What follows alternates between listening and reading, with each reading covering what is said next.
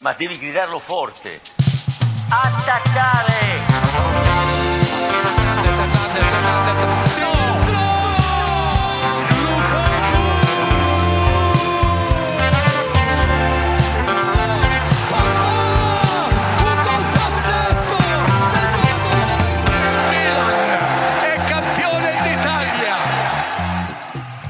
Het is maandag 12 juni. Eh, De dag dat eh, Silvio Berlusconi is overleden. Een van de grootheden van het eh, Italiaanse voetbal. En van Italië zelf natuurlijk ook. Het is ook de dag van de laatste Los Stadio van, van dit seizoen. Wes aan de andere kant van de lijn. Welkom. Goedemiddag. Ja, goedemiddag. Toch een trieste Ja. dag hè, voor Italië. Ja, het is wel een, een trieste dag. Silvio Berlusconi, ehm, voetbalgrootheid. Eh, wat, wat vaak een beetje, ja, het is lastig bij hem. Het is natuurlijk een heel controversieel persoon geweest. En je merkt ook in de, ehm, in de berichten die je vooral vanuit Nederland en Engeland en zo hoort, wordt natuurlijk gelijk alle voorpagina's waarop hij natuurlijk gekke politieke uitspraken had. Het gaat direct over de Boonga Boonga feestjes en podcasts en verhalen daarover. Ook terecht Eh, wel natuurlijk, Ook- denk ook ik. Dat moet ook ja, worden benoemd. goed, het- ja, absoluut. Het was natuurlijk ook een hele ja, vreemde snuiter eigenlijk. Maar daarnaast op, op sportief gebied en vooral op voetballend gebied... en dan, en dan zeker kijkende naar het, het rood-zwarte deel van Milaan...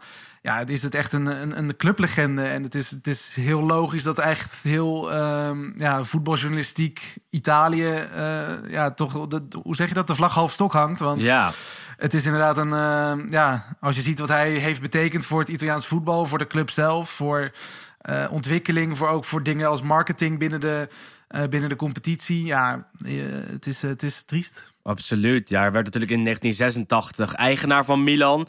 En eh, ja, onder zijn eh, leiding werden zij acht keer landskampioen van Italië. Wonnen ze vijf keer de Europa Cup 1 of Champions League, hoe je het ook wil noemen.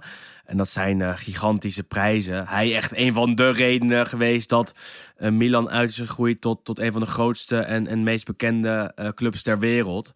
Eh, Dus op dat gebied zeker een, eh, een hele trieste dag. Zit natuurlijk ook in onze eh, intro met de. Attaccare. Precies, toch ook schitterend. En nou ja, ook een van de redenen dat het Monza nu staat waar het, waar het te vinden is.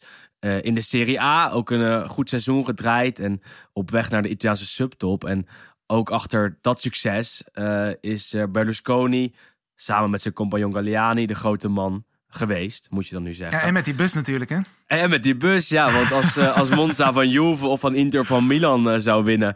zou er een bus met eh, sekswerkers naar de selectie worden gebracht.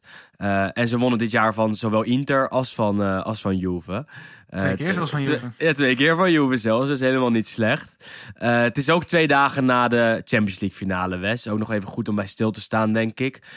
Inter daar tegen Manchester City. Ja, als je deze podcast luistert, weet je de uitslag al. 1-0 voor City. Eh, Inter deed het beter dan verwacht, denk ik. Ja, maar goed, ja, uiteindelijk, je koopt er weinig voor. Hè? En dat Nee, is natuurlijk een niks, beetje ja. goed, zeker vanuit jouw standpunt natuurlijk als Inter-fan. Ja, het, het voelt dan toch een beetje cru in die zin. Ik bedoel, je, kunt natuurlijk, je moet sowieso denk ik gewoon trots zijn als een Italiaanse ploeg de Champions League finale bereikt. Want dat is natuurlijk de laatste jaren... ehm, Geen is gegeven meer. En, nee. en, niet- en niet vaak gebeurd en zeker niet succesvol gebeurd. Ehm, dus ik denk dat je daar sowieso trots op moet zijn. Alleen ja, ik denk dat het uiteindelijk vooral voor de eh, neutrale kijker tegenviel. Ook want het was weer geen goede wedstrijd. Eigenlijk net als de andere finales eh, Mhm. die, we, die, die we hebben gezien. Ehm, en eigenlijk, en dat is dan misschien nog wel het mooie, inderdaad, dat Inter een stuk beter voor de dag kwam dan iedereen had verwacht. Want je zag Veel ook voorspellingen beter, voorbij ja. komen van 3-0, 4-0, 5-0. Dat echt een, een, een ja, David tegen Goliath. Maar eigenlijk viel het reuze mee. En misschien zelfs op basis van de kansen eh, dat, dat Inter er nog had verdiend te winnen. Ondanks ja. dat het uiteindelijk niet is, eh, niet is gelukt. Nee, maar wat je zegt, je koopt er niets voor. Maar eh, ik ging die finale heel erg sceptisch in en dacht... eh, ja, dat gaan ze nooit winnen. Ook al zei ik op Twitter telkens anders. Maar City zo goed, Inter dit jaar prima, maar helemaal niet fantastisch. Dat ik heel verbaasd was hoe goed Inter daadwerkelijk was in die finale. En eh, dan is het heel clichématig om te zeggen, maar kan ik wel stellen dat ehm, eh, ik best trots was eigenlijk. En helemaal niet zo super teleurgesteld. Ik werd na die finale heel erg veel geappt door mensen. Gaat het en jammer en dit en dat en zo en zo.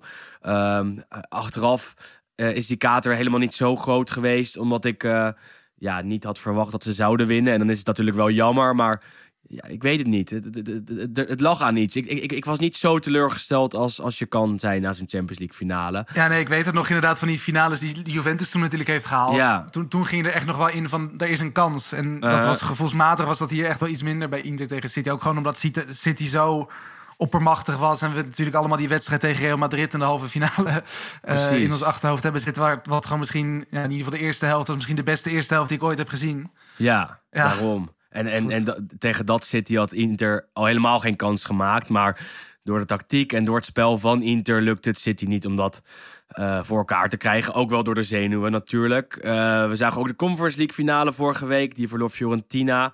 En eh, we zagen ook wat promotie- en degradatiedrama. waar we ook nog wel even kort bij stil kunnen staan, denk ik. Voordat we naar de Los Stadio Awards van het jaar gaan. Want dit is de jaarterugblik. Maar toch nog goed om even terug te blikken op het einde van het seizoen, denk ik. Want eh, gisteravond, de play-out, eh, werd gewonnen door Verona van Spezia. Waardoor Spezia degradeerde. Maar het echte spektakel was in, eh, in Bari, hè Wes? Bij Bari tegen Ja, goed, het was, Cagliari. het, het, het was allebei was het wel Ja, vrij waar. spectaculair Ja. natuurlijk. Ik denk dat de play-out was echt een heel mooie afsluiter van het Serie A-seizoen. Waarin we natuurlijk... Ja. Ja. ja, goed, dat gaan we nu straks bes- bespreken. Natuurlijk vooral de spelers even uitlichten. Maar waarin we toch ook best wel een hoop mooie verhaallijnen... goede teams, mooie uitslagen en, en leuke wedstrijden ook hebben gezien. Ehm, en ik denk inderdaad dat die play-out was een, echt het perfecte toetje. En wat mij betreft blijft hij er ook gewoon zo ieder jaar Absoluut. in. Ja. Ehm, ook, al zijn die, ook al eindigen de ploegen misschien niet gelijk. Ik, vind dit, ik vond dit echt een, een topwedstrijd in die zin. Echt genoten Ehm, ook, zeker. Ja, het, het, was echt vanaf minuut 1 verlogen ze erop. En stond na een kwartier stond al 1-1. Eh Verona inderdaad uiteindelijk aan het langste eind getrokken. Waardoor die er dan in bleef en Spezia degradeerde. ook wel eh, verdiend, goed, ja, die- denk ik. Ja, ook wel verdiend. Ja, goed. En zeker ook een paar mooie goals. Die tweede van een Gonge, oudspeler van, eh, van Groningen en Anderlecht onder andere. Eh, hele, hele goede goal. Maar goed, ja, inderdaad, die andere wedstrijd waar je, naar, waar je het over had, Bari tegen Cagliari, was inderdaad misschien nog wel iets. ehm, ja, Drama dramatischer. Spannend, spannender, dramatischer ook gewoon vanwege het moment. Eh, de wedstrijd was helaas nergens te zien op eh, Nederlandse of Belgische televisie. Dus iedereen die zat denk ik toch een beetje op, het, eh, op een illegaal streampje ergens. Mm, mm, mm. Eh, maar Kan goed, ik ja, niks, over, was niks natuurlijk- over zeggen. Nee, we mogen geen, geen commentaar erover. Maar goed, het heenduel werd 1-1. Ook in de allerlaatste minuut dat Bari toen gelijk maakte uit een strafschop. Dus, en omdat Bari hoger was geëindigd in het reguliere seizoen... was een gelijkspel voldoende. En dat leek ook te lukken. Want het was in minuut eh, 93 eh, en 30 seconden geloof ik nog steeds 0-0. En toen scoorde Cagliari. Dus, Pavoletti. Fantastisch. Pavoletti natuurlijk, eh, natuurlijk maakt hij en die scoort altijd. En die scoort vooral heel graag in de laatste minuut. Over bombers gesproken, hè? Fantastisch. Over bombers gesproken. En het was natuurlijk eigenlijk vooral de avond van, eh, van Claudio Ranieri. De, ja, als, als we het dan over legendes van het Italiaanse voetbal hebben... dan eh, is Claudio Ranieri er zeker eentje die Absoluut, ja. niet mag ontbreken. En ja, fantastisch dat hij terug is. Zeker, ja. Stapte in bij Cagliari toen ze ve- veertiende stonden in januari. En uiteindelijk ze toch naar promotie geloodst. Dan ben je een hele grote. Eh, en daarbij opgeteld zijn, zijn carrière en zijn eh, karakter. Want het is een echte gentleman. Maakt dat hij een van de grote der eh Italiaans voetbal is. Ehm, nou ja, dat is even het seizoensslot. Kort samengevat. Het komende uur, de komende drie kwartier... gaan wij kijken naar de Los Stadio Awards voor het jaar. We hebben telkens al teruggeblikt aan het einde van de maand. Aan het einde van de maand. Eh, waarbij we de Los Stadio Awards voor de maand uitreikten. Eh, vandaag kijken we naar de jaar awards. Dus het eh, echt grote geschut komt daarvoor tevoorschijn. ter podium. Waarbij we gaan kijken naar de speler van het jaar verkiezing. Iemand wordt trainer van het jaar. Het grootste talent van het jaar kan ook het podium opkomen om de prijs op te halen. En we kijken ook even naar de grootste teleurstelling en het mooiste moment. Houdt in dat ik denk dat we kunnen beginnen, Wes. Let's go. attenzione Canoschelia dalla parte opposta, riceve la sfera al limite dell'area, entra in area, va Canoschelia, doppio dribbling, triplo di destro! Destro pazzesco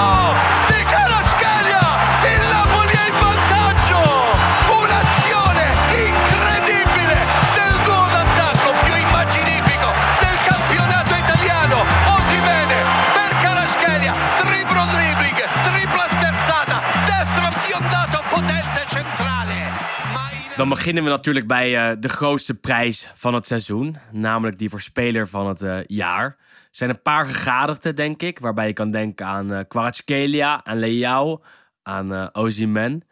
Maar er kan er maar één winnen. En ik denk dat wij wel gezamenlijk tot één speler zijn gekomen, toch? Ja, ik denk het wel. We hebben, we hebben vorige week natuurlijk al een klein tipje van de sluier gelicht... hoe wij uh, dachten over de MVP Awards. Die de Serie A dus nu sinds een paar uh, seizoenen uitdeelt zelf. Um, daar werd Kvaratskhelia verkozen tot, tot speler van het jaar van, uh, van de Italiaanse competitie. maar ja, wij zeiden eigenlijk vorige week al dat wij allebei wel van mening zijn... dat, dat eigenlijk misschien Victor Osimhen de prijs had moeten winnen. Ehm, die werd daar uitgeroepen tot, tot aanvaller van het jaar... maar ja, we hadden eigenlijk allebei een beetje die prijzen misschien omgedraaid. Zeker, uh, ja. Zeker eigenlijk gewoon vanwege het feit dat Ozyman, ondanks dat hij ook wel heel eventjes afwezig is geweest, natuurlijk dit seizoen wel veel constanter eigenlijk is geweest. Zeker. Um, en, en inderdaad vooral op het oog met, of, of um, ja, qua, qua het scalen natuurlijk vooral in de, die, deze tweede seizoen zelf dat hij tegenviel. Want hij kwam natuurlijk echt, ja, hij, hij, hoe zeg je dat? Hij knalde het podium op in die zin. Hij, hij kwam natuurlijk uit de, uit de Georgische competitie, waar hij eventjes terug was na die uh, periode in Rusland met de oorlog.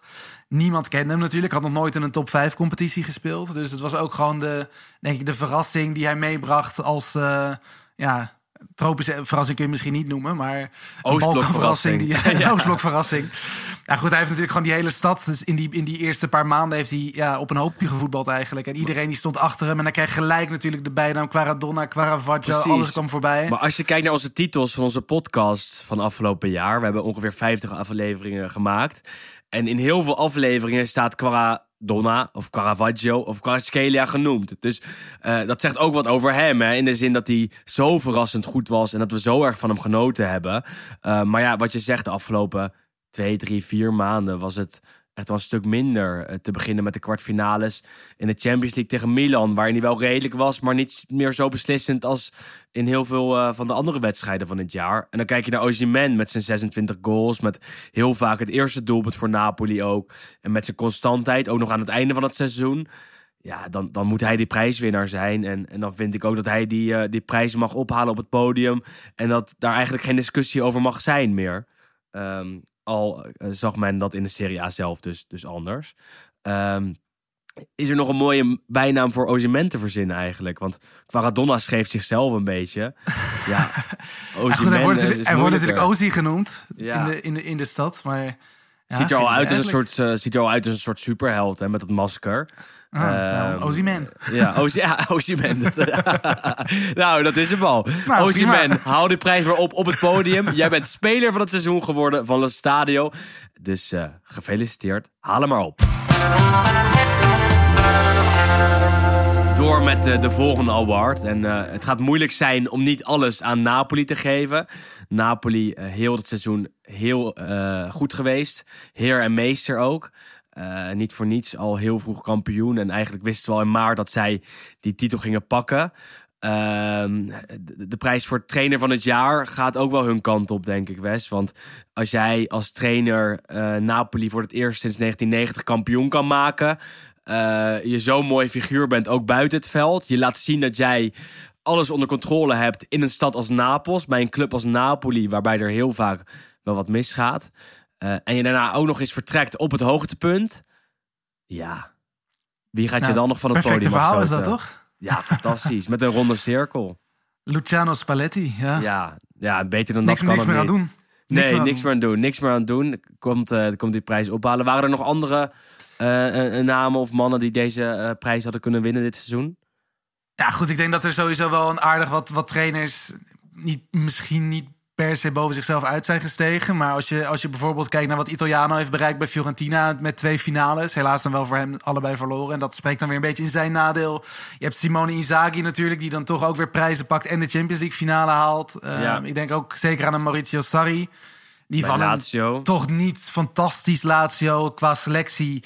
Um, ja, daar echt het maximale uit heeft gehaald en tweede is geworden.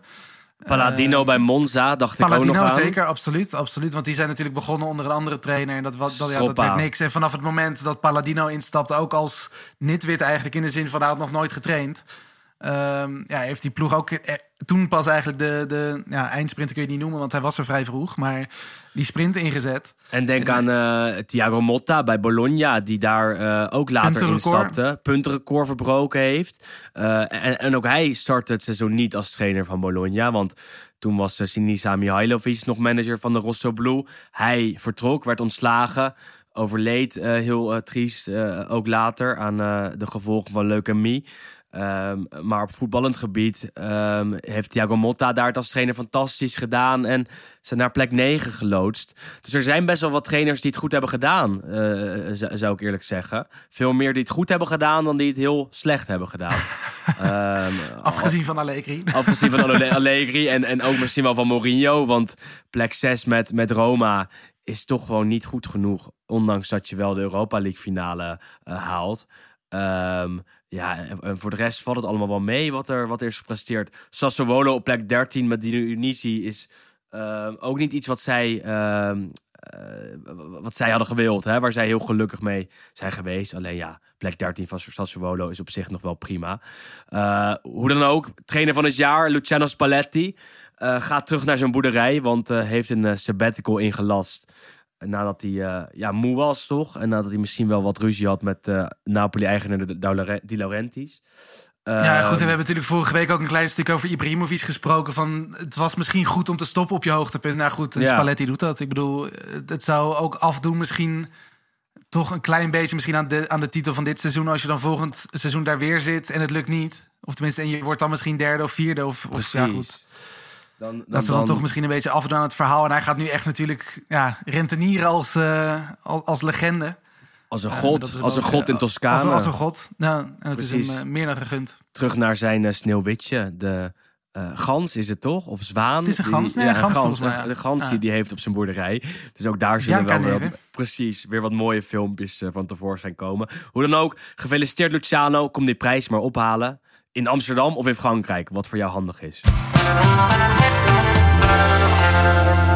We racen er doorheen, want eh, we zijn alweer aangekomen bij de derde prijs van deze Los Stadio Awards. Die voor eh, team van het seizoen gaan we heel kort behandelen, want eh, dat hebben we net al gezegd. Dat wordt gewoon Napoli. Gefeliciteerd. Kom de prijs maar ophalen in Amsterdam of in Frankrijk. Door met eh, een volgende serieuze prijs wel, want eh, het wordt weer een eh, individuele categorie.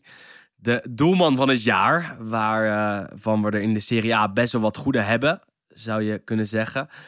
Bij Napoli was Meret goed, bij Lazio Provedel, bij Inter Onana goed gepresteerd. En ook in de Champions League, zeker in de finale, laten zien dat hij tot de wereldtop behoort. En Maignan deed dat vorig jaar al bij Milan. Ehm, en dan heb je echt wel een aantal hele goede eh, goalies in de competitie. Maar met deze cijfers mag er maar één winnen, denk ik, hè? Ja, uiteindelijk inderdaad uh, Lazio-keeper Ivan Provedel. Um, die heeft, uh, denk ik, het meeste recht op deze prijs. Ja. Um, en eigenlijk, en goed, dat mag je natuurlijk niet meenemen eigenlijk... maar het verhaal daarachter, dat, dat maakt natuurlijk ook zijn seizoen nog extra mooi. Vertel. Um, werd, werd gekocht van, uh, van Spezia, of werd, werd overgenomen van Spezia. Was daar nou niet per se een gigantisch goede keeper of zo... maar je zag wel dat er iets van talent in zat... Uh, en hij zou eigenlijk naar Lazio komen als, als tweede doelman. Want ze hadden iets eerder in die periode ze Luis Maximiano uit Portugal uh, opgepikt. En die zou eerste keeper worden. Ja. Um, en toen begon de Serie A. En na zes minuten maakte Luis Maximiano op zijn debuut een hensbal buiten de 16. Werd er gelijk met rood afgestuurd. Dus toen mocht uh, Provedel veel eerder dan verwacht eigenlijk uh, debuteren. En dat deed hij zo goed dat hij letterlijk zijn plekje niet meer heeft afgestaan. En uh, uiteindelijk het seizoen is schijnend op, op 20 clean sheets. Ja, doe dat... Doe dat, dat is fantastisch. En ook echt goed gepresteerd. Hè? Echt best wel wat wedstrijden gehad waarin Provedel uitblonk. Waarin hij liet zien dat hij zeker een, een hele goede keeper is. En eigenlijk ook bij de Azzurri hoort te zitten. Dat zit hij nu niet. Wat best jammer is na zo'n goed seizoen. Um, als we dan toch even verder kijken dan Provedel die die prijs zo mag komen ophalen. Dan uh, moeten we ook Onana zeker noemen, denk ik. Startte net als Provedel als tweede keeper. Onana kwam transfervrij over van Ajax, tekende bij Inter. En uh, startte dus niet, omdat Andanovic bleef, bleef keeper bij Inter. Uiteindelijk groeide Onana erin, mocht hij in de Champions League keepen. En liet hij steeds vaker zien dat hij de man moest zijn die de eerste keeper was. En dat werd hij ook. Met als hoogtepunt afgelopen zaterdag, denk ik. Waarbij je echt wel kon zien dat Onana fantastisch kan keepen en ook fantastisch kan voetballen. Want uh, er is ook een compilatietje gemaakt met uh, alle momenten waarin uh, Onana de bal heeft en het spel verdeelt. En dat doet hij telkens fantastisch. Um, vorig jaar Maignan, keeper van het jaar. Eh, hij was lang geblesseerd, heeft weer niet eh, eh, constant kunnen spelen bij Milan. En ja, daardoor kom je toch ook niet helemaal in aanmerking voor deze prijs. Verder nog keepers die, die we moeten noemen, naast Ochoa van Salernitana. Ja, Ocho inderdaad ook wel gewoon... Ook, ook daar weer het verhaal eigenlijk... dat hij natuurlijk een beetje te boek staat als de WK-keeper. Die je natuurlijk eens in de vier jaar ergens weer op ziet duiken. Ja. Eh, nadat hij dan bij Mexico een goed toernooi heeft gedraaid. Eh, die heeft inderdaad ook echt gigantisch veel punten gepakt voor Salernitana na het, eh, na het WK. Daar speler van het jaar geworden hè, van de club, terwijl die pas in me januari wel- kwam. Dat lijkt me op zich ook te- ook wel terecht. Ja. Eh, en goed, ja, verder, we hebben natuurlijk van het weekend dan ook nog kunnen zien... dat eh, Lorenzo Montipol van Letje Mhm. heel veel mooie ballen eruit hield in die, in die play-out. Eh, was ook al een hele goede keeper in de Serie B. Alleen ja, in de Serie A, de, de eerste paar maanden viel het toch wat tegen bij hem. Eh, maar ja, goed, en verder, eh, je- kijk je naar andere keepers... kom je toch snel uit bij, bij Skorupski van, eh, van Bologna... die veel ballen heeft gepakt. Werd door de Serie A Ehm, wel genomineerd. Hè? ja. Bij ons zou hij Eh, niet bij de top 3 hebben gezeten, denk ik. Nee, dat denk ik ook niet. Zij nomineerden zelfs ook, eh, of nou niet zelfs... maar zij no- nomineerden ook Di Gregorio van Monza... Ja. Eh, die natuurlijk wel vrij opvallend eerste doelman was. Want wij waren allebei groot fan van Alessio Cragno. Zijn. Eh, zijn eigenlijk nog steeds. Maar goed, ja, hij keept niet meer. Dus in hoeverre kun je dat nu nog in de tegenwoordige nee, tijd waar. zeggen? Wij gingen ervan uit dat hij inderdaad over zou komen van Cagliari... en direct eerste doelman en misschien wel een van de betere van de competitie zou zijn. Alleen hij heeft geen kans gekregen, omdat die Gregorio zo goed keepte. ja, tot Eh, zover onze kennis. Dus tot, ja, tot zover onze kennis. Maar ik denk uiteindelijk is Provedel wel op basis van alles... dus en het verhaal en de prestaties en de, het constante eigenlijk... is hij eh, denk ik meer dan terecht de, de verdiende winnaar voor eh, doelman van het jaar. Absoluut. De prijs is eh, voor hem. We gaan elke linie af, want eh, ook een eh, verdediger moet een prijs kunnen winnen. Dus we hebben een award voor de verdediger van het seizoen. Waarbij er eh, wederom wat namen kunnen worden genoemd en kunnen worden genomineerd. Ehm, staan we niet te lang bij stil, maar wel eventjes, denk ik. Je noemde net al even Lazio, die meer dan twintig keer hun doel schoon hielden dit jaar. Houdt dus ook in dat centrale verdedigers zoals Romagnoli, Casale hier zeker moeten worden genoemd. Want ook zij hebben daar een steentje aan bijgedragen. Bij Napoli zagen we eh Di Lorenzo onder meer. Die het eh, heel goed heeft gedaan als aanvoerder van eh, de club die kampioen werd. We zagen bij Inter Darmian, die hier echt wel mag worden genoemd. Ondanks dat men in Nederland en ook wel in België vaak denkt dat Darmian eigenlijk niet zoveel kan. Was bij Inter dit jaar, vind ik, misschien wel de meest constante en de beste speler aan de kant van de Nerazzurri. Ehm, maar ook hij gaat deze prijs niet winnen, want ja, er is maar één man die ook hier moet worden genoemd. Werd ook door de Serie A ehm, genoemd als beste verdediger van het seizoen. En dat is Kim. En Ja. terecht. Ja, ook terecht. Kijk, ik vind sowieso wel met, met een prijs voor verdediger van het jaar... kijk je toch automatisch iets meer naar de centrale verdedigers, gevoelsmatig. Eh, ja. Eh, want goed, ja, je noemt het zelf al. Darmian is natuurlijk een back. Di Lorenzo is een back.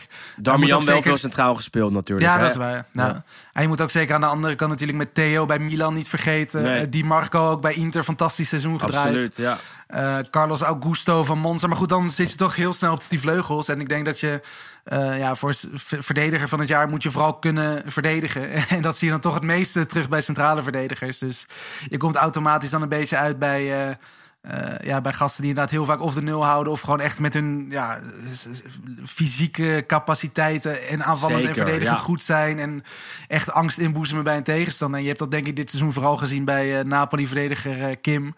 Eh, stond natuurlijk in, in de Zuid-Koreaanse competitie al bekend als het monster. Nou goed, ik denk dat hij dat wel een beetje heeft, heeft waargemaakt. Ziet natuurlijk gigantisch imponerend uit. Ondanks dat hij wel natuurlijk een hele lieve glimlach heeft verder. Maar hij heeft echt eh, eigenlijk hetzelfde verhaal een beetje bij hem... als wat, eh, wat we net natuurlijk zeiden bij, bij Kvaratskhelia. Ook uit een iets kleinere competitie natuurlijk weggehaald, Turkije. Kwam van Venner. Ehm, en ook niet per se een, een naam die...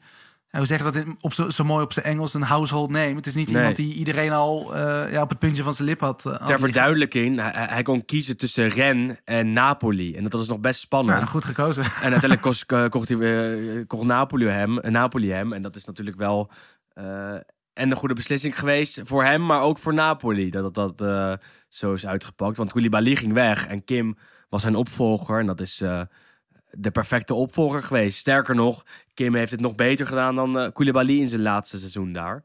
Je hoort, je hoort er ook niet meer over worden gesproken. Want in het begin Nee. van het seizoen, en dat is natuurlijk ook wel, denk ik, de, eh, wat er zo knap is, mede aan deze titel van Napoli. Eh, dat natuurlijk afgelopen zomer gigantisch veel mensen zijn vertrokken. En vooral echt clubiconen. Met Koulibaly, met Insigne, met Mertens. Fabian Eh, Ruiz. Fabian, Fabian Ruiz natuurlijk.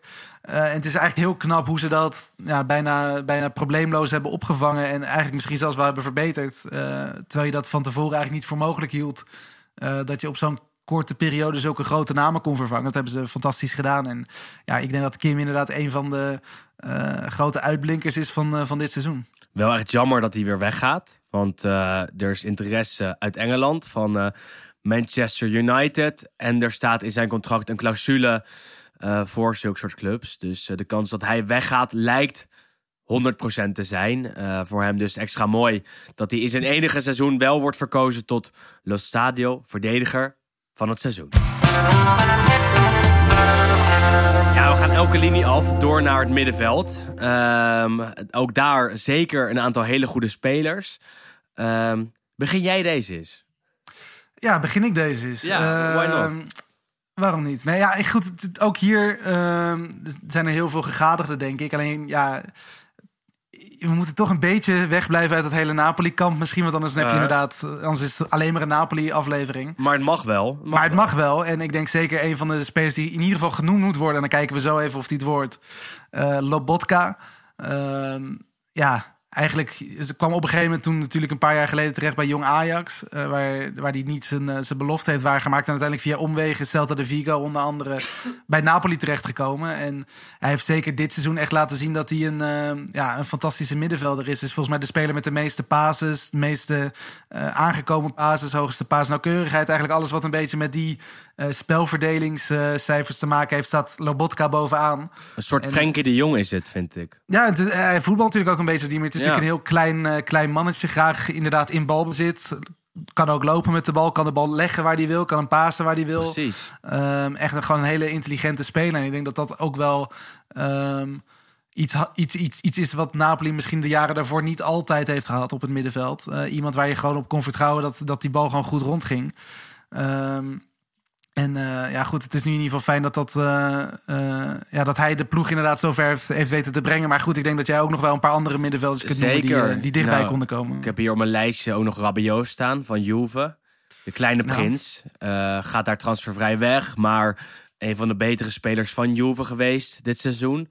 Vaak beslissend. Ook verdedigend gezien heel goed, maar aanvallend steeds belangrijker geweest met zijn fysiek, met zijn kopballen, met zijn aanwezigheid. Ik kijk naar Barella van Inter, die dit jaar echt wel een stap heeft gezet in het volwassen worden. In het laten zien dat hij niet meer alleen maar zeurt bij de scheidsrechter. Dat weliswaar nog wel eens doet, maar wel een stukje minder doet. Maar ook gewoon vooral focus heeft voor het voetballen. Ehm, en, dat in de Champions League meermaals liet zien bij, eh, bij de Nerazzurri. Eh, en ik denk ook aan Milinkovic-Savic, die bij Lazio ehm, nog steeds super beslissend was. Eh, met zijn fysieke gesteldheid. Eh, verdedigend sterk is, maar vooral aanvallend. Echt een man is die het middenveld met de aanval daar verbindt. Eh, en ook hij gaat daar een transfer maken, want zijn contract loopt eh, komend seizoen af. Dus eind komend seizoen in eh, 2024. En de verwachting is dat Milinkovic Savic daar gaat vertrekken. Wordt ook tijd, want hij speelt daar al jaren. En ik denk dat ik in 2017 al heb gezegd... die gast gaat een transfer maken. En inmiddels zitten we in 2023 en zit hij al zes jaar langer bij, eh, bij Lazio. Waarin hij uh, stevast heel goed is. En afgelopen seizoen ook... ehm, topscorer, ehm, of buitenlands topscorer aller tijden werd van, van Lazio. En dat is toch, eh, toch hartstikke knap als middenvelder. Ehm, maar dan moeten we toch een beetje kiezen. En dan kijken we eh, naar wat we net hebben gezegd. En wie er toch moeten worden genoemd hier. En wie die prijs mag komen ophalen. En dan ga ik toch wel weer voor een Napoli-speler, Wes. Ik hoop dat je daarmee eens bent. Ja, nee, goed. Ja, wat, er, zijn, er zijn heel veel opties inderdaad. En ik denk misschien met Barella is mijn persoonlijke voorkeur ook gewoon qua type speler nog. Maar ik denk dat het heel, uh, heel goed te verdedigen valt. Heel goed te billig als, uh, als Lobotka hem inderdaad krijgt. Dan gaat het deze ook en, weer naar een Napoli-speler. Ja, ja het goed, is ongelooflijk. Denk, misschien, moet, misschien moeten wij gewoon nog een keer naar Napels... om al die dingen ja, af, te, af, te, leveren precies, daar, toch? Want... dat is denk ik makkelijker. Want uh, anders komen ze met een privéjet met z'n zessen deze kant op... of naar Frankrijk. En dat moeten ze ook niet willen. Uh, maar deze prijs is voor Lobotka en we reserveren hem. En uh, we gaan wel kijken hoe die bij jou terechtkomt. Uh, Stanislav. We hebben nog een paar prijzen te verdelen. Eh, eerst toch eh, die van eh, aanvaller van het seizoen. Uh, werd als speler van het jaar. Houdt in dat hij deze prijs niet mag en kan winnen. En dat we gaan kijken naar andere namen. Want ja, we hebben er genoeg in de Serie A. Genoeg aanvallers die het goed hebben gedaan. Denk daarbij aan een aantal namen die we toch weer even afgaan, denk ik, voordat we de prijs uitdelen. Ehm, ik maakte vanochtend een eh, Serie A elftal van het seizoen voor op Twitter. Ja, ik zag hem voorbij komen, ja. En, en daar ontbrak Leao in. Ja, Eh, Ja, mag dat ik- van ja. jou? ja, Of mag ja, het niet? ik- ah, ik- eigenlijk mag het niet, hè? Nee, eigenlijk mag het niet. Ja, je, maar- moet, je moet dan gewoon je opstelling moet je, of je formatie aanpassen. Nee, goed, kijk, ja, ik, denk dat, ik denk dat het, ik, Ja, ga jij eerst. ja, ik denk dat het gewoon lastig is, omdat je hier natuurlijk... ehm, ja goed, Ozyman mogen we niet meer noemen. Ehm, en ik denk dat de beste spelers inderdaad Leao en Kvaratskhelia zijn net achter Ozyman. Ja, Ehm, alleen nadeel is natuurlijk dat allebei linksbuiten zijn. ja Dus je maar moet wel dan toch- aanvaller. Wel een aanvaller, maar goed, je moet dan inderdaad voor als je, als je ja, net zoals wat jij hebt gedaan in net de 4-3-3, eh, moet je dan toch gaan kiezen. Ehm, en eigenlijk ook een beetje, dat is nu natuurlijk het, het, het volgende dilemma wat we dan hebben. Wie wordt dan inderdaad de aanvaller van het jaar? Precies. En ik ga persoonlijk dan toch voor Leo. Hij, heeft iets wel. meer, hij heeft iets meer eh, goal involvements dan, uh, dan Kvaratskhelia dit seizoen. Ehm, en ook bij hem toch net iets constanter geweest dan, eh, dan, Kvara. En ja, ik, ga, ik zou persoonlijk eerder de televisie aanzetten voor Kvaratskhelia. En ik heb echt gigantisch veel van hem genoten. Alleen het is toch een beetje de... En dat zal misschien ook een beetje de, de, de recency bias zijn natuurlijk. Dat je de laatste maanden beter herinnert dan het begin van het seizoen. Maar ik heb toch de laatste tijd iets meer ehm, output en iets meer kwaliteit gezien aan de kant van Leao. Ehm, Maar dat is wel mooi. ik vind dat hij hem toch mag krijgen. Want, want eh Leao is echt goed geworden vanaf de Champions League wedstrijden tegen Napoli. En vanaf dat moment is Kvaratskhelia slechter gaan draaien. Dus ze hebben elkaar mooi, ja, eh. mooi, mooi afgewisseld. Eh, maar als jij als technisch directeur moet kiezen in het hedendaagse voetbal... kies ik misschien wel voor Leao. Omdat hij fysiek wat meer kan brengen en, en fysiek echt uniek is. En Kvaratskhelia is dat niet. Aan de andere kant heb ik dit jaar wel zeker meer genoten van Kvaratskhelia dan van Leao. Ehm, in Nou. de zin dat, dat die, hij, hij was natuurlijk zo exotisch. Hij heeft fantastische acties gehad. Ook mooiere goals nog dan Leao misschien. Ook al eh, maakte Leao tegen Letje natuurlijk... Was het Letje? Nee, tegen eh, Verona. Echt een heerlijke... De laatste wedstrijd van het heer- seizoen Ja, natuurlijk, ja. heerlijke goal. Waarbij hij de verdediging uitkapt. Kvaratskhelia deed hetzelfde, maar dan tegen Atalanta. Waarbij hij ja, een soort eh, goal maakte die eh, op een kunstwerk eh, verdient te staan. Want acht Atalanta-spelers om hem heen. En Kvaratskhelia kapt ze uit en maakt fantastisch af. Ehm, en ik vind ook dat Lautaro Martinez hier ook moet worden genoemd. De interspits. Dit jaar echt een stap Absoluut, gezet en ja. steeds beslissender geworden. Eh, in een elftal eh, dat eh, goed was. En in een elftal waarbij Lukaku terugkwam. Lukaku was twee jaar geleden of drie jaar geleden ehm, het uithangbord van Inter. De man in de aanval naast Lautaro. Lautaro eigenlijk meer naast hem, want die speelde echt wel een beetje tweede viool. En dit jaar was dat absoluut andersom. Lautaro Martinez, de aanvaller van Inter, de baas daarvoor in. En het treft zeker eh, in alle competities en in totaal 21 keer in de Serie A. Eh, moet ook worden genoemd. En eh Boulaye Dia van Ja, ik Salernitana. wil zeggen inderdaad. Zeker een, een honorable mention voor, voor hem. Meer dan als jij bij Salernitana speelt en 16 keer weet te scoren, dan heb jij een fantastisch seizoen gehad en verdien je ook een transfer te maken. De kans is groot dat eh, Salernitana hem koopt van Villarreal voor een miljoen of tien en hem dan gelijk weer verder eh, doorverkoopt aan hopelijk een Serie A-team, want het zou mooi zijn als we hem eh, weten te behouden voor de competitie. Eh, maakt wel dat wij het niet- met elkaar eens zijn, eh, mogelijk, Wes. Nee, dit is wel een lastige situatie, hè? Want het, het houdt Hoe gaan we dat in- oplossen? Als, als eh deze niet wint, dan wint hij de volgende. Kunnen we dat niet doen? Of is het geen deal? Eh, ja, laten we dat maar doen, toch? Toch? Dan wordt Leao Ja. aanvaller van het jaar. En gaan we nu even door naar de prijs voor talent van het seizoen. Nou, de winnaar hoeven we dus niet meer Nou, toe te lichten.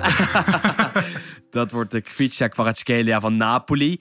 Maar zeker nog wat namen eh, om hier te noemen. Ehm, want eh, jij noemde Fagioli, die ehm, door de Serie A ook is uitgeroepen tot uh, talent van het seizoen. Uh, echt wel een speler die zijn doorbraak heeft gemaakt hè, bij Juventus. Ja, ja absoluut. Goed, hij is, uh, ik moet zeggen, ik, ik wil niet de hipster uithangen, maar ik heb hem toen gezien op de, op het, op de Future Cup in Amsterdam. Ik denk echt al een jaar of nou, vijf geleden misschien. Toen was hij denk ik een jaar of 16. En als, als middenvelder ja, was hij toen echt een van de beste spelers op dat toernooitje. En eigenlijk sindsdien hem een beetje in de gaten gehouden. Uh, vorig seizoen verhuurd aan Cremonese, waarmee hij kampioen is geworden en is gepromoveerd.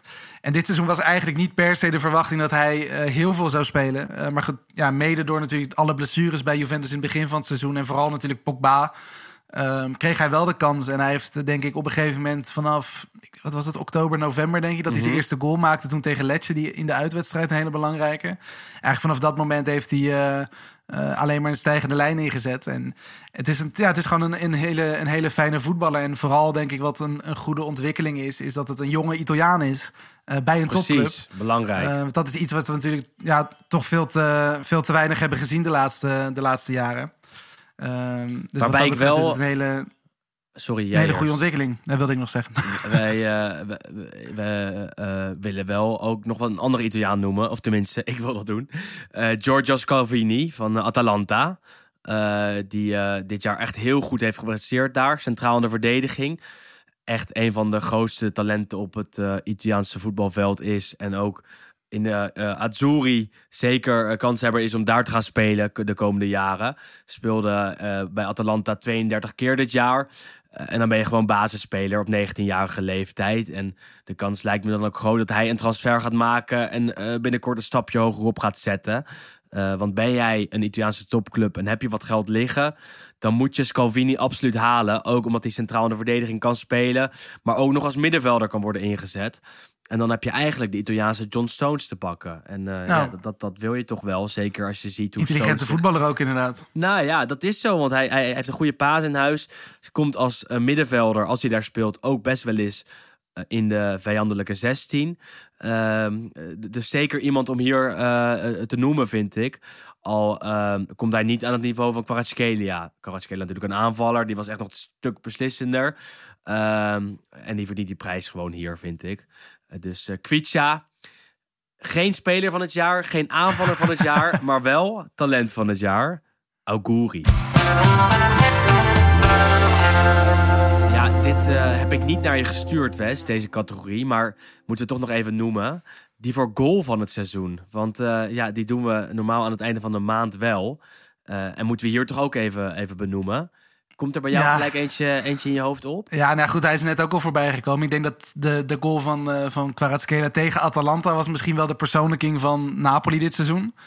Ja. Ehm, ja, je kreeg inderdaad, ja, ja goed. Ik denk dat iedereen de goal intussen ook wel honderd keer al heeft gezien. En wij hebben zelf noem volgens mij ook al vijf, we hebben, we hebben zelf ook al vijf keer eh, genoemd, denk ik, en omschreven. Maar goed, ja, hij dribbelt gewoon letterlijk iedereen voorbij. En, en sommige spelers komen volgens mij twee keer eh, gaat hij langs.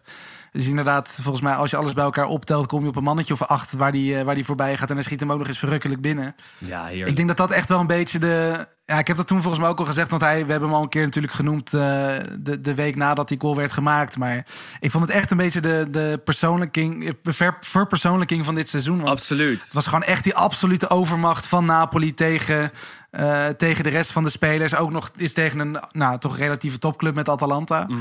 Eh, maar gewoon ja, de, de overmacht en het gemak waarmee het ja, zeker tot aan nou, praktisch het kampioenschap eh, goed ging bij, bij Napoli. Ja, fantastisch. ja, fantastische goal. We- Weet je nog, na die goal heb je ook een filmpje op de tribune daar in het Maradona. Met een oma van een jaar of 70, 80. Met een blauwe pruik op. En dat was zo'n mooi filmpje ook om te zien. Omdat eh, precies wat jij zegt ook op de tribunes gebeurde. Dit was de verpersoonlijking van, ehm, van dit Napoli, van dit Napels, van dit seizoen. En die vreugde die daarbij loskwam was fantastisch. En die goal was ook super. Eh, wel nog een eervolle vermelding voor eh, de vrije trap van Biragi namens Fiorentina tegen Verona. Vanaf de, middenvel, de middenlijn ongeveer. Ehm, even kijken wat we nog meer kunnen noemen. Ja, goed, kijk, dat, ik, ik, vind, ik, ja, ik vind sowieso, kijk, dat zijn natuurlijk mooie goals die van grote afstand. Alleen, uiteindelijk zegt dat niet altijd iets over de kwaliteit natuurlijk van een speler of van een Nee, doelpunt. oké. Ik vind dan eigenlijk persoonlijk vind ik inderdaad, ja goed, je, je weet ook, wij zijn allebei een beetje fans van de stift. Heel erg. Eh, kijk, mijn mooiste doelpunt misschien aller tijden vind ik eigenlijk gewoon die goal van Crespo in de Champions Ja. League finale. Zo eigenlijk lekker is dat gewoon, dat, dat, dat zijn mijn favoriete goals. En ik vind natuurlijk, het is gigantisch knap ook natuurlijk die goal van Koopmeiners afgelopen weekend nog. Eh, of de week daarvoor.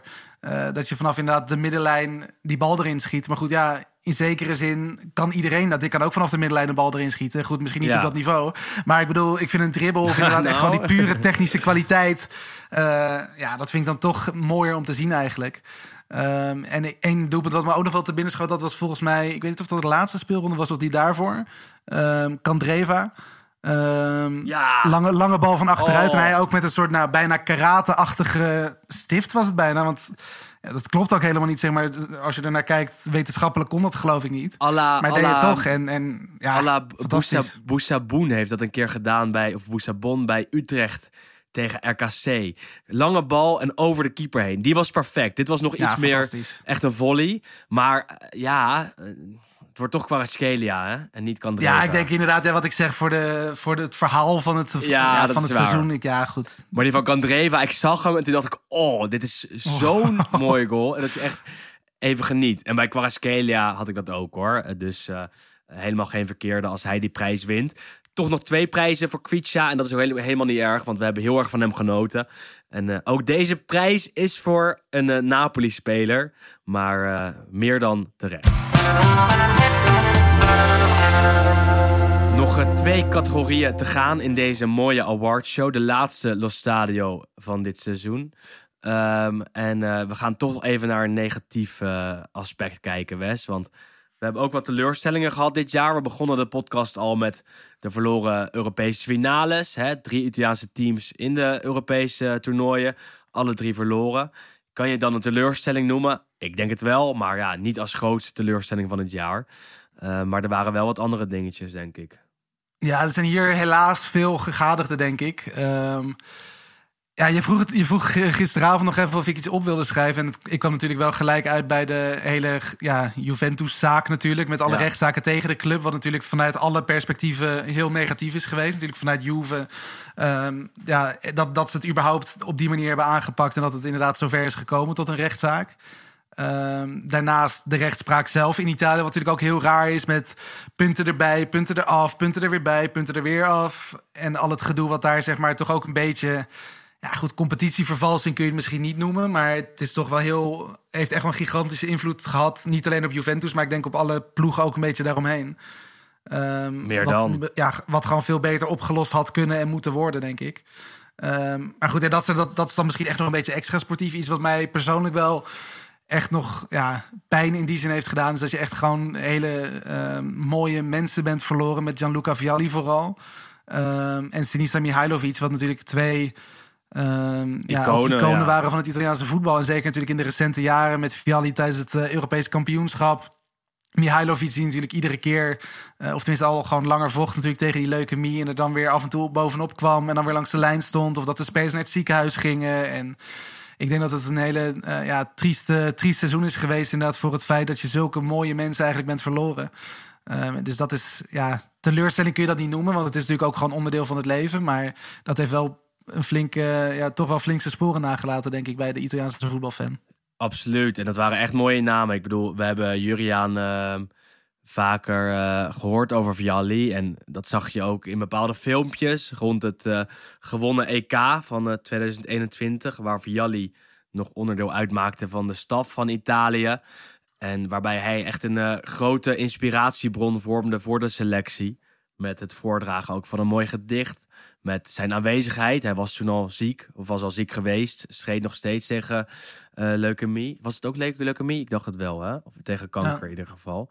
En ehm, eh, ja, dat is zo'n mooi figuur geweest. En de eerbetonen aan hem bij Sampdoria waren fantastisch eh, om te zien. Ehm, ja, nog wat meer dingen is natuurlijk ook. een van die dingen is ook het racisme. wat Nou. nog steeds te zien is in de Italiaanse voetbalstadions. We zagen het eh, jegens Lukaku tijdens Juve Inter. We zagen het eh, jegens Vlaovic tijdens Atalanta Juve. We zagen het afgelopen zondag weer eh, tijdens de play-out, waarbij een Zola van uh, Spezia telkens racistisch werd bejegend door de Verona-fans. Uh, en zoiets is blijkbaar heel moeilijk uit te bannen uit de Italiaanse voetbalstadions. hoe jammer dat ook is. Ik zou toch zeggen dat, dat ze daar nog steeds meer tegen moeten doen. En ja, het blijft teleurstellend om dat, dat elke keer weer te zien en dat elke keer weer langs te horen komen. Um, en, wat jij zegt, ik vond Juve toch ook wel een, een, teleurstelling. Die hele situatie daaromheen. Allereerst natuurlijk de daden, maar ook hoe dat werd afgehandeld door uh, alle voetbalrechters, door de Serie A zelf. Want dat heeft zeker een hele grote stempel gehad op het seizoen. Um, ja, en misschien wel de uitgebleven titelstrijd, zou ik ook toch wel zeggen, als, als teleurstelling. Aan de andere kant. Ja, maar dat is meer voor de neutrale kijker, inderdaad. Dat ik denk, en dat, daar gaan we nu natuurlijk een beetje naartoe, naar het mooiste moment. Ik denk dat je dan ook automatisch uh, richting juist die titel gaat. Want het wordt goed gemaakt door wie die titel. Het werd absoluut goed gemaakt. Uh, het werd goed gemaakt. En uh, misschien vergeten we nog wel wat teleurstellingen. Maar we willen toch vooral weer de mooie dingen hebben. Maar uh, de prijs voor grootste teleurstelling van het seizoen wordt verdeeld over al deze puntjes. Want uh, we vonden het allemaal jammer. De laatste van het uh, seizoen, van het uh, Los Stadio seizoen van uh, deze Serie A-jaargang. We hebben straks ook nog even de column van Juriaan van Wessem. Die, even, zegt hij. Nou, even. Die, die, die, die, die gaat ook zeven. Nog zeven minuten. Maar die gaat alle categorieën ook nog even langs. En dat is echt de uitsmijter van dit jaar. Voor de liefhebber gaat hij nog even terug naar de jaargang. En blikt hij met ons terug op uh, alles wat er is gebeurd. Wij doen het al in de reguliere aflevering, hier dus al, tenminste in de reguliere minuten. Uh, mooiste moment, Wes? Ja, de titelstrijd, of tenminste de titel, het titelfeest vooral natuurlijk. Want uh, het was heel vroeg uh, in het seizoen natuurlijk dat we eigenlijk dachten een titelstrijd te gaan hebben. natuurlijk vooral eigenlijk een beetje in die, in die transferzomer waarin Roma met Dybala en Wijnaldum toch grote namen binnenhaalde. Juventus haalde onder andere Pogba, Di Maria... Uh, we hebben inderdaad een, een, ja, van tevoren, denk ik, in onze eerste aflevering gezegd: van nou, we kunnen niet per se nu voorspellen wie de kampioen gaat worden, want het lijkt vrij dicht bij elkaar te zitten. Um, ja, en totdat eigenlijk ja, de eerste aftrap was gegeven. En toen was het wel heel duidelijk dat Napoli er dit seizoen echt bovenuit stak. En goed, en dat was mooi. Natuurlijk gewoon het feit dat hij fantastisch voetbal speelde. Maar ik denk vooral het feit dat Napels als echt voetbalgekke, maar echt voetbal, voetbalgekke stad um, uiteindelijk de, de titel wint. En alles wat daarbij komt kijken, natuurlijk het hele verhaal met Argentinië, met, met, met, met Maradona, met het feest, de straten versierd. De, natuurlijk ook gewoon het feit dat het meer dan 30 jaar geleden was. Ja, het was, het was fenomenaal. Het was fenomenaal. Ik was er natuurlijk in de week dat ze kampioen werden. Uiteindelijk was ik een paar dagen te vroeg, omdat ze gelijk speelden tegen Salernitana. Maar dat is een van de mooiste voetbalweekenden geweest die ik heb gehad qua sfeer, qua, uh, qua stad, qua belevenis, qua mensen die zo enorm vrolijk waren. En uh, het is gewoon zo dat als jij minder vaak kampioen werd, of wordt, want Napoli werd voor de derde keer kampioen dit jaar, de derde keer in hun uh, geschiedenis, is het zo dat jij er meer van geniet. En uh, Zo'n titel wordt dan zo erg beleefd in een stad. En dat zag je daar met alle vlaggen, met alle slingers, met alle festiviteiten. En uh, vanaf het moment dat ze kampioen werden, is er wekenlang echt feest gevierd in Napels. En uh, absoluut fantastisch. een mooiere kampioen konden we ons niet wensen. De volgende op mijn rijtje met uh, kampioenen die ik wel zou willen zien is, is Roma. Want nou. ook daar barst echt wel wat los als dat gebeurt. Um, Absoluut. En uh, nu zagen we het al in Napo Napels, bij Napoli. En uh, ja, dat, dat was, was, was echt hartstikke erg genieten. En zoiets gaan we niet vaak meer zien, denk ik. Ook nog eens met deze selectie, met deze spelers, met deze trainer. Uh, was het echt een verhaal dat, dat, dat rond was. En wat alleen maar mooi was om te kunnen beleven. En om uh, samen met jou elke week te kunnen bekijken en te kunnen becommentariëren in onze podcast natuurlijk. Um, nog een paar momenten die ik hier wel wil noemen. zijn er twee. eentje dat, dat trainer Baroni van Letje... Um, die heeft zijn vader verloren afgelopen seizoen. Zag dat Letje een overwinning nodig had op bezoek bij Monza... om handhaving veilig te stellen... Um, dat lukte eerst niet, want ze kregen een penalty tegen. Die werd gehouden, gelukkig, voor, uh, voor. En eh, tien minuten later, in minuut 95, kreeg Letje zelf een penalty. Hield dus in dat als ze die zouden maken, ze zich zouden handhaven in de Serie A. Natuurlijk fantastisch als promovendus. En uh, de trainer Baroni durfde niet te kijken. Het draaide zich eerst om naar een andere speler op de bank. Bleef toen uh, staan. Keek wel soort van naar de penalty, maar niet helemaal. En uh, toen werd die strafschop benut door Colombo. wat de 0-1 inhield voor, voor Letje. Iedereen van Letje juichte, rende naar de fans, rende naar Colombo die hem had gemaakt. Maar Baroni ging door zijn knieën en, en dacht... Uh, blijkbaar, dat bleek later aan zijn overleden vader. En uh, zocht een momentje voor zichzelf. Was een fantastisch filmpje uh, om, te zien. En Baroni zei: Ja, mijn vader was uh, mijn belangrijkste figuur in mijn leven. En dit wilde ik eigenlijk met hem beleven. maar dat kon niet meer. Dus ik dacht direct aan hem toen we ons handhaafden. En dat, dat, vond ik echt wel fantastisch om te zien. Want dat, dat moment werd echt vastgelegd door de Serie A-camera's en later ook gedeeld. Ehm, ander ding uh, dat ik wil noemen is de halve finale van de Champions League tussen Inter en Milan. Want wie had nou, dat gedacht in 2023? niemand. Toch? Echt niemand. En eh, ja, ik had het geluk erbij te kunnen zijn bij de return. Bij uh, de, de wedstrijd die Inter thuis speelde en met 1-0 won. Uh, ja, en ik heb San Siro niet zo vaak zo gezien qua sfeer, qua supporters, qua gezang tegenover elkaar, qua mensen die al uh, heel lang van tevoren in het stadion waren. En ik vind de Derby della Madonnina altijd fantastisch. En probeerde elk jaar in ieder geval één keer heen te gaan. Dit was mijn vijftiende keer. En van die vijftien keer was dit niet per se qua voetbal de mooiste. Maar qua sfeer was het wel fantastisch. Want ja, uh, Denzel Dumfries zei het ook in de aanloop naar de Champions League finale. Een, een halve finale tussen deze twee teams uit dezelfde stad. Dat maakt wat los. En dat maakte het ook, ook zeker. En, uh, dat, uh, dat ja, goed. En kijk, we hebben natuurlijk net inderdaad bij de vorige categorie gezegd van ja, alle drie de Italiaanse ploegen verloren die finale. Maar het feit dat we inderdaad ook in 2023 gewoon drie Italiaanse finalisten hebben. Ja, uh, is, natuurlijk ook, is natuurlijk ook gewoon heel mooi. En natuurlijk, uiteindelijk is het, het, draait om de prijs. En als je hem niet wint, vergeet iedereen het. Maar ik denk in, het, in ieder geval het feit dat er. ja, en natuurlijk ook nog met Juventus halve finale. Milan natuurlijk uh, ver gekomen, Napoli ver gekomen. Dus in die zin, het was echt Europees gezien een toptoernooi. Afgezien van het feit dat je uiteindelijk met lege handen achterblijft. Maar uh, ik denk dat dat zeker iets is wat wij in ieder geval niet hadden verwacht. En ik denk ook dat ja, misschien niet per se op voetbalgebied Italië weer op de kaart staat. Maar je zag inderdaad ook wel echt in, heel duidelijk in de, uh, in de analyses en bij de presentatoren van over heel de wereld eigenlijk die aanwezig waren inderdaad bij die wedstrijd waar jij was. De Milan-Inter mhm. en Inter-Milan eigenlijk allebei.